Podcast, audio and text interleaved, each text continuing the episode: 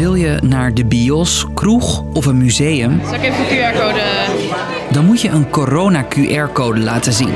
Hartstikke mooi, dankjewel. Maar op dat corona-toegangsbewijs is steeds meer kritiek. Een petitie om het ding af te schaffen is op het moment dat we deze podcast maken al ruim 730.000 keer ondertekend. Op deze manier is een stuk van de mensen gewoon uitgesloten van eh, een heleboel zaken. En dat vind ik oneerlijk. Ik ben Jeroen en in deze podcast vertel ik je wat voor- en tegenstanders zeggen over het corona-toegangsbewijs. Lang verhaal kort. Een podcast van NOS op 3 en 3FM. De eerste QR-codes werden in juni vorig jaar gescand. Dat heet dan nog testen voor toegang, want je krijgt het groene vinkje alleen met een negatieve testuitslag. Waarvoor laat jij je testen? Eh, ik ga vanavond met een groepje naar een festival. De meeste ondernemers mogen dan nog kiezen of ze je QR-code scannen. Doen ze het niet, dan geldt de anderhalve meter en mogen er minder mensen naar binnen. Verplicht is het dus niet. Wat vindt u ervan dat u getest moet worden? Nou, niet echt eh, leuk, maar eh, het is even niet anders. Ruim drie maanden later volgt het corona-toegangsbewijs zoals we die nu kennen. Het groene vinkje krijg je vanaf dan ook met een vaccinatie- of herstelbewijs. En mogen wordt moeten. Bij een bezoekje aan bijvoorbeeld musea of cafés is de coronapas dan verplicht. Tegelijkertijd beloven Rutte en de jongen, zodra het weer kan, schaffen we de QR-code weer af. Het is niet onze ambitie dat het woord corona-toegangsbewijs ook een eigen pagina op Wikipedia gaat krijgen. Met andere woorden, ook deze maatregel is tijdelijk. Die Wikipedia-pagina was een dag later al aangemaakt. Inmiddels zijn we vier maanden verder en is de coronacheck nog steeds verplicht.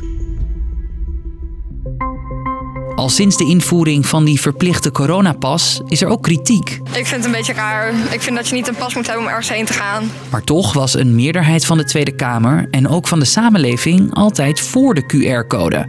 Maar dat lijkt nu te veranderen. Ja, voor mij zou die wel afgeschaft mogen worden. Ik denk- weet niet of het echt heel erg zinvol is nog. Ik geloof nu niet zo erg meer in de QR-code dat dat uitmaakt. Onder meer oud-CDA-politicus Mona Keizer is een petitie gestart om het coronatoegangsbewijs af te schaffen. Een coronatoegangsbewijs is gewoon een schending van grondrechten. Ehm, indirect eh, de integriteit van lichaam en geest, de vrijheid om je te bewegen, eh, de vrijheid om je onderneming te voeren zoals eh, je dat wilt. Het middel is nu erger dan de kwaal, vertelt deze hoogleraar, die de petitie ook ondertekende. Ik denk dat er nu veel duidelijker gemaakt kan worden dat die pas eigenlijk geen doel dient. Hè, Dat het een schijnveiligheid oplevert. Eh, bijvoorbeeld, mensen worden nu massaal besmet. Eh, maar goed, je houdt bij een besmetting gewoon je QR-code. Dus je kunt gewoon naar de kroeg en naar het restaurant. Niek Mouter is onderzoeker bij de TU Delft. Hij deed vorig jaar onderzoek naar het effect van de QR-code. Uit het onderzoek volgt dat het effect van 2G en 3G vooral groot is als het verschil in bescherming tussen de mensen die een coronatoegangsbewijs hebben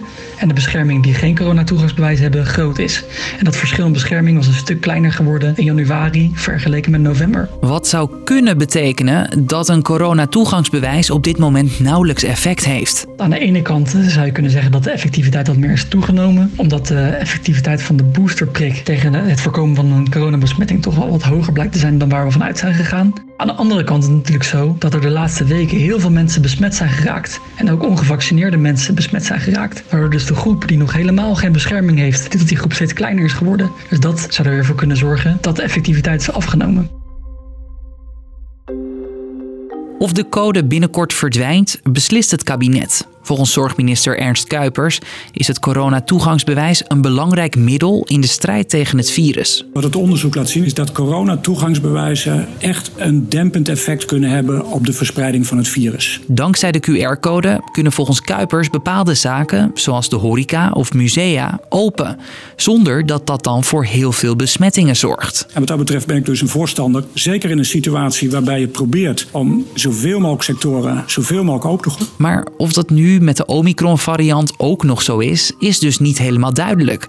Ook volgens OMT-lid Mark Bonte, die het kabinet adviseert, kan je het coronatoegangsbewijs niet zomaar afschaffen. Ik vind dat de discussie nu zeer ongenuanceerd wordt, want er zijn gewoon situaties denkbaar waarbij het toegangsbewijs, net als in alle andere landen, een bijdrage kan leveren. Bijvoorbeeld bij een nieuwe uitbraak of een andere coronavariant waarvan weer meer mensen ernstig ziek worden.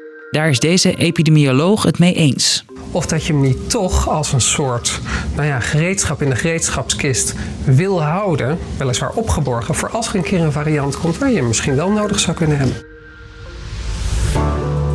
Dus, lang verhaal kort, sinds de invoering is er al discussie over de coronapas.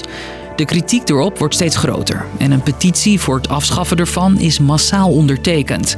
De QR-code zou ingaan tegen de grondwet en het middel is door de mildere Omicron-variant nu een stuk minder effectief. Wel kan het volgens experts zo zijn dat het toegangsbewijs later bij een nieuwe variant weer hard nodig is.